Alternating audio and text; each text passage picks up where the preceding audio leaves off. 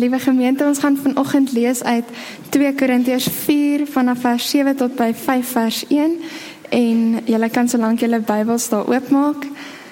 Nou dit word gesien as een van Paulus se mees persoonlike briewe waarin onder andere sy komplekse verhouding met die gemeente in Korinte beskryf word. Paulus skryf hierdie brief aan die gemeente om sy geloofwaardigheid as apostel van die Here te bevestig. Verder verdedig hy ook sy gesag, aangesien daar vals leraars gekom het wat sy gesag bevraagteken het. En hy herinner die mense van Korinte van sy werk sodat hulle kan sien dat hy wel gesag het. Hy vra dat hulle nie hulle rug op die waarheid moet draai nie.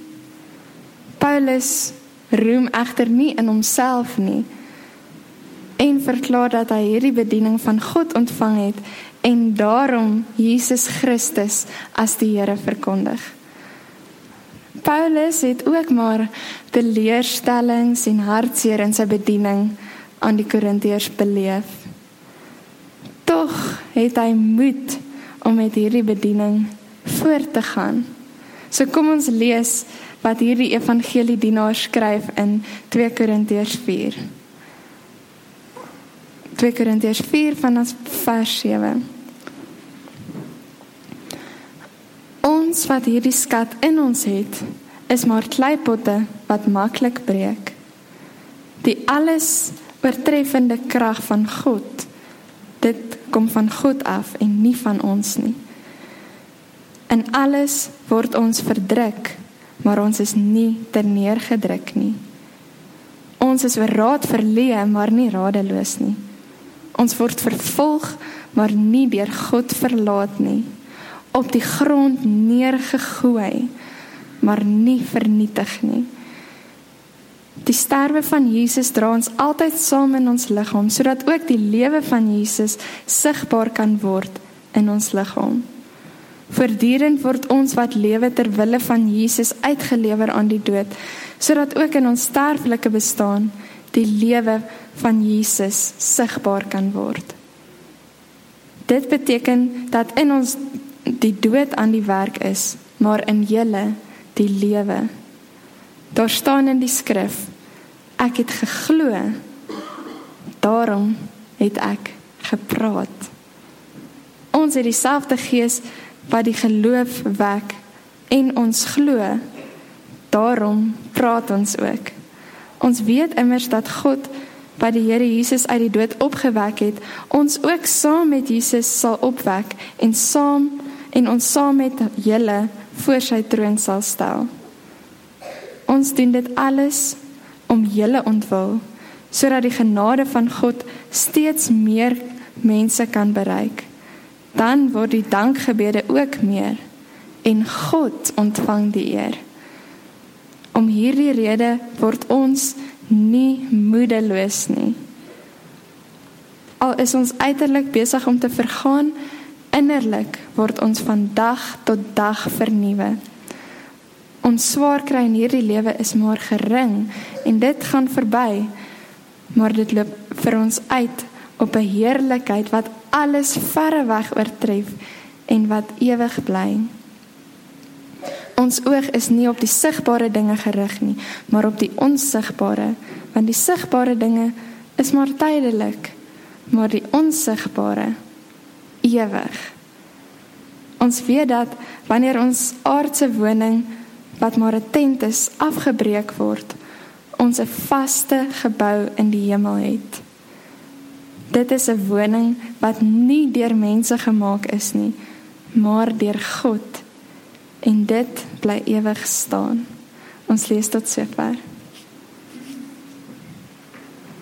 Nou wil ek by julle hoor. Wie van julle het al 'n skat ontdek?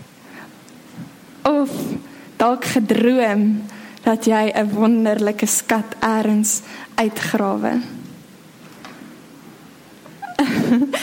Niemand nie. Ehm um, ek dink van ons koningskinders is dalk bietjie meer entoesiasties. Ehm um, ek weet nie wie van die koningskinders dalk kan onthou dat ons so 'n tydjie gelede het ons skattejag gespeel. Nou wanneer hulle dan nou rond hardloop op soek na die skat en die skat uiteindelik ontdek, sal jy weet dat mens bly nie stil oor die skat wat jy ontdek het nie. Nee, jy sê vir almal, ek het 'n skat gekry. So dit is amper vir ons onmoontlik om stil te bly as ons 'n skat ontdek het. Nou ons het sopas gelees van 'n skat wat in ons is. Vers 7 Ons wat hierdie skat in ons het. Hierdie skat. Wat is hierdie skat?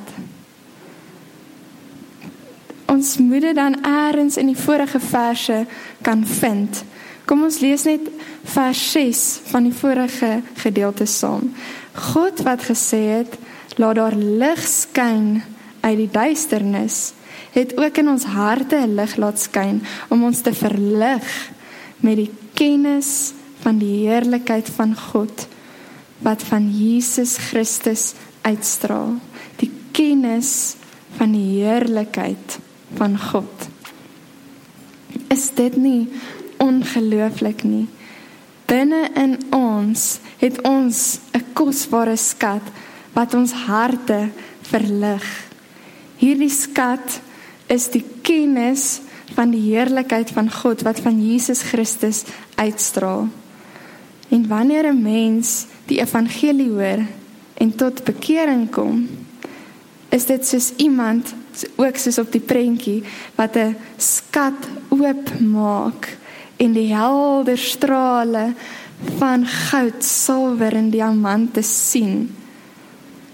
God laat sy lig so skyn dat dit in ons harte 'n vuur aan die brand steek.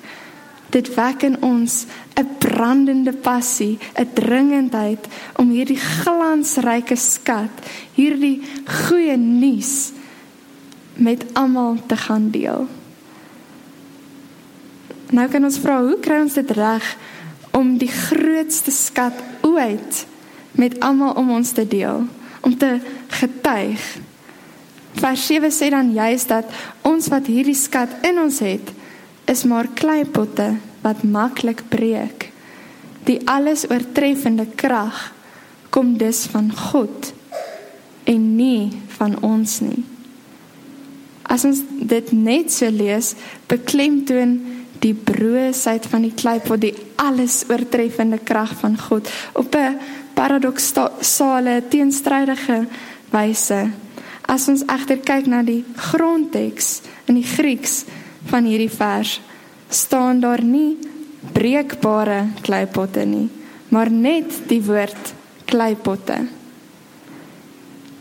Dit kan dus hardgebakte kleipotte wees wat duursaam is.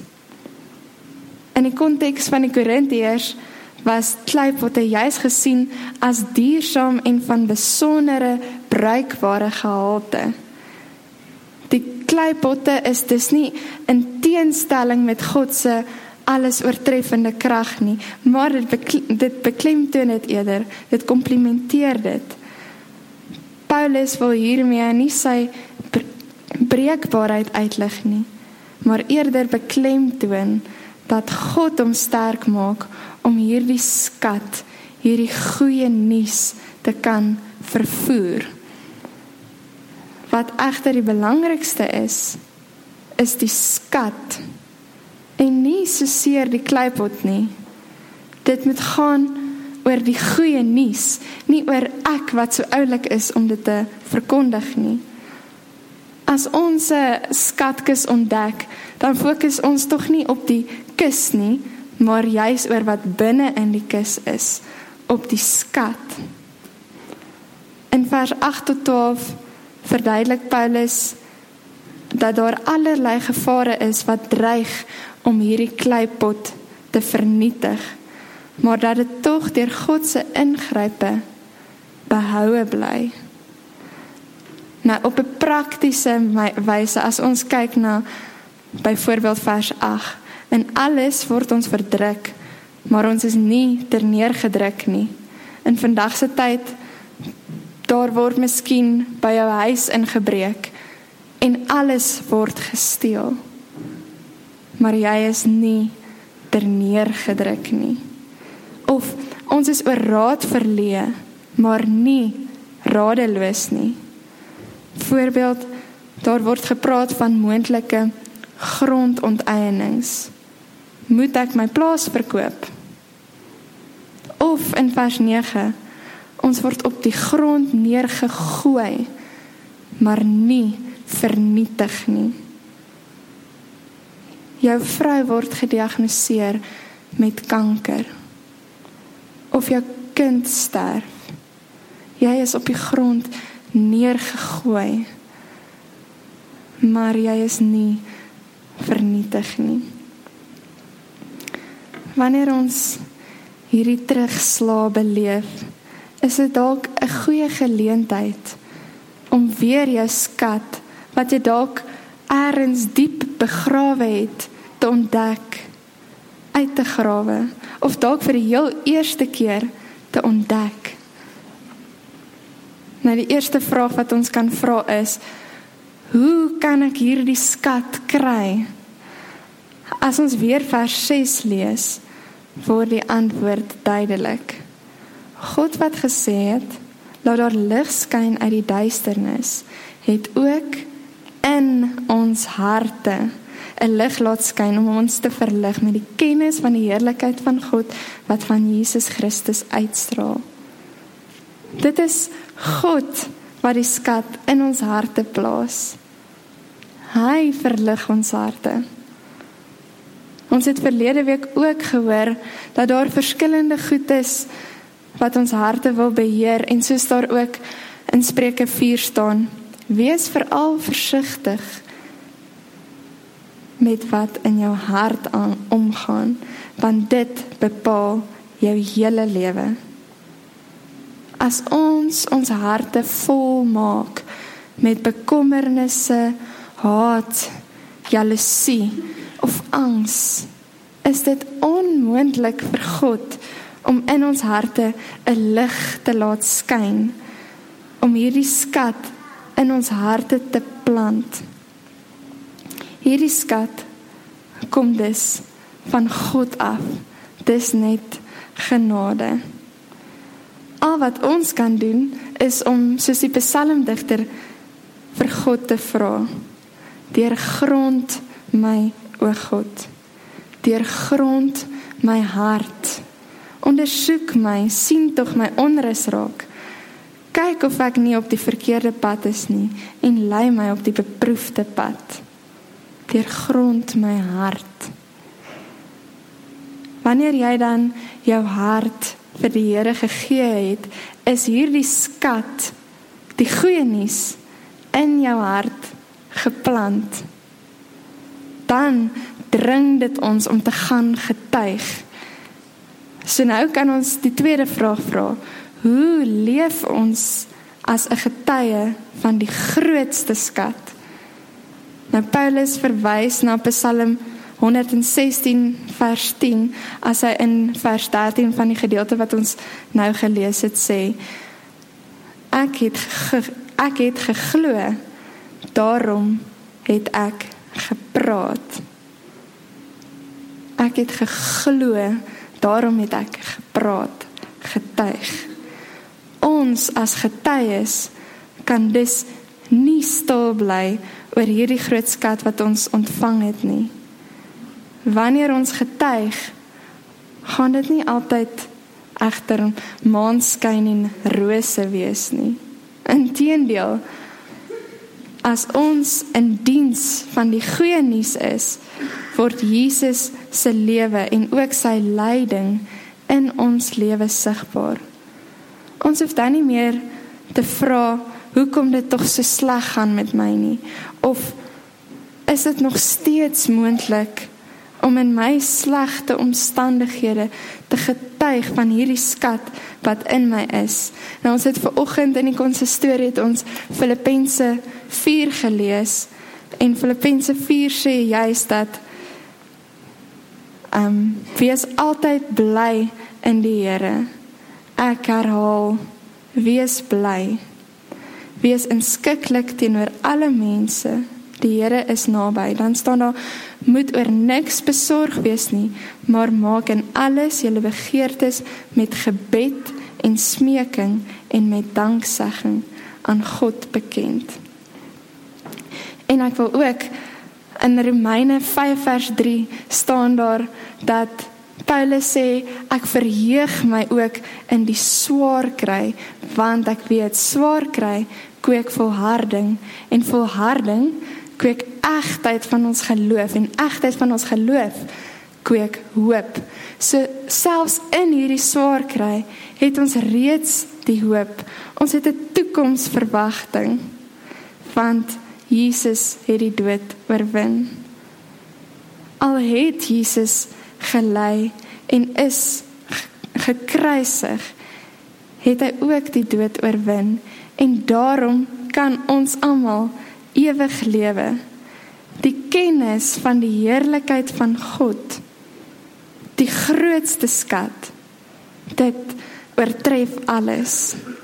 Daarom kan ons ook met vrymoedigheid, soos Paulus sê in Filippense, al wat ek wens is om Christus te ken, die krag van sy opstanding te beleef en deel te hê aan sy lyding deur aan hom gelyk te word in sy dood. In die verwagting dat ek self deel sal hê aan die opstanding uit die dood. Dit liewe gemeente behoort ook ons uitkyk op die lewe te wees. Ons grootste begeerte moet wees om Christus te ken.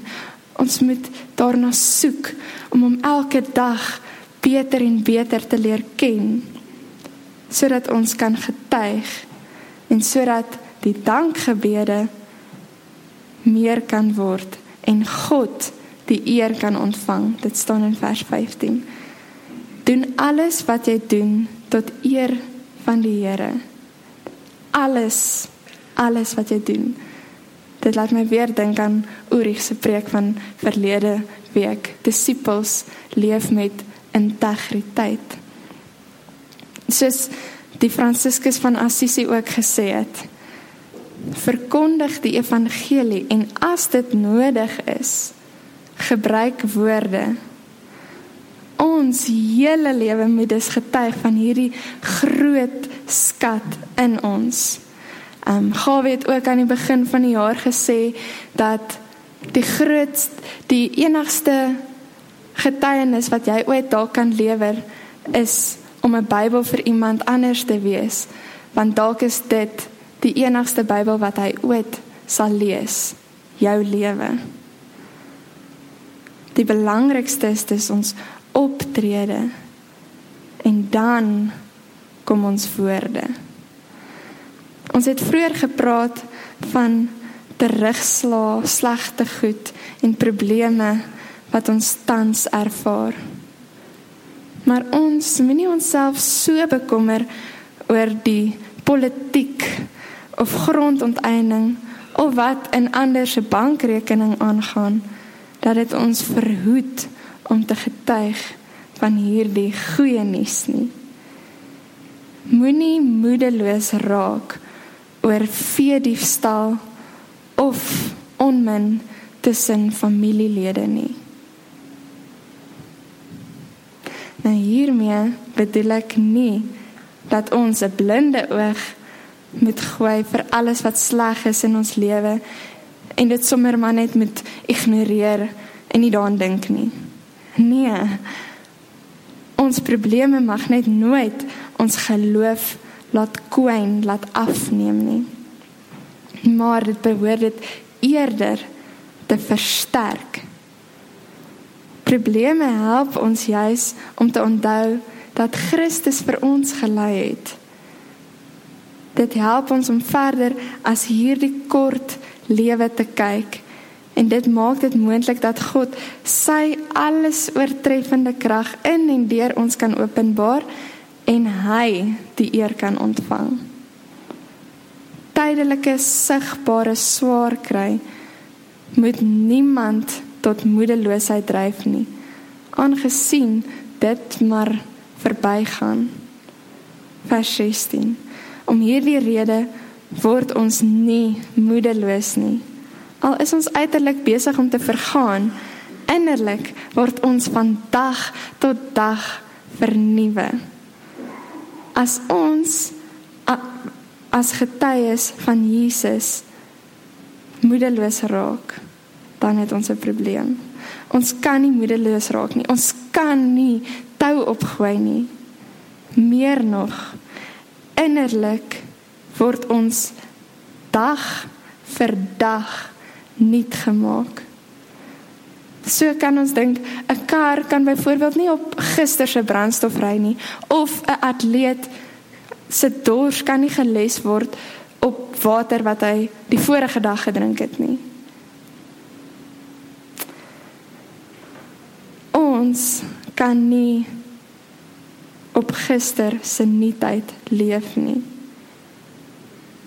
Jy moet dag vir dag vernuwe word. Jesus sê self in Matteus 6 dat ons ons nie moet bekommer oor môre nie, want elke dag bring sy eie probleme. Ons word elke dag vernuwe deur die alles oortreffende krag van God se liefde. Nou in klaagliede klaagliedere 3 vers 22 staan daar: Deur die liefde van die Here het ons nie vergaan nie. Luister mooi. Daar is geen einde aan sy ontferming nie. Dit is elke môre nuut.